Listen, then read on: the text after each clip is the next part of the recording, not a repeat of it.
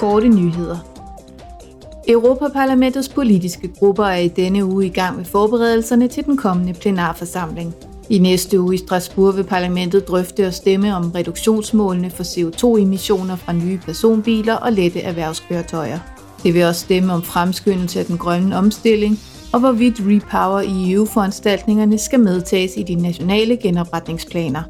Formålet hermed er at mindske afhængigheden af fossile brændstoffer fra Rusland.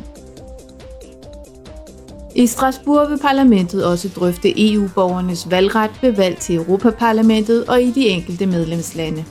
Desuden vil parlamentsmedlemmerne drøfte den europæiske centralbanks politik med dennes formand, Christine Lagarde, og stemme om den.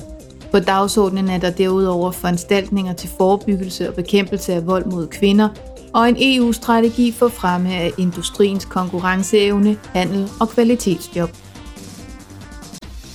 I denne uge vil medlemmerne af udvalget om industri, forskning og energi stemme om et forslag om at assureføre EU's direktiv om bygningers energimæssige ydeevne, som er en del af Fit for 55-pakken.